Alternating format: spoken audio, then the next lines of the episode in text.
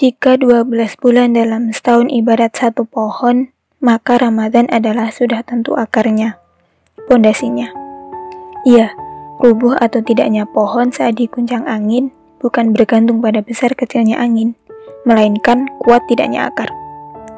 Ramadan memang menjadi sespesial itu dalam membentuk karakter dan ketakwaan kita.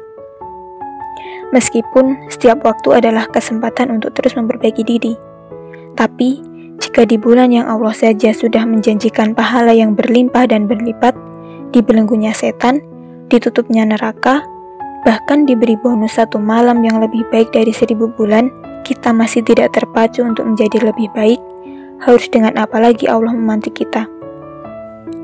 Jadi, kenapa kita tidak mencoba lebih bersabar dan serius menjalani pembinaan Allah ini? Membuat targetan misalnya, membuat perencanaan, melaksanakan, dan mengevaluasinya setiap hari.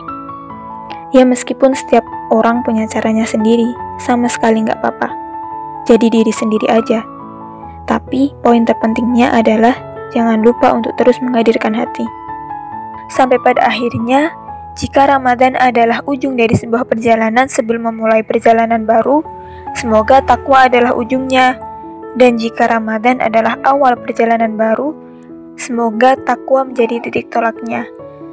Semoga kita sampai pada takwa hingga kita bisa mengelana di jalan takwa, jalan para syuhada, dan orang-orang yang dijamin keberuntungannya.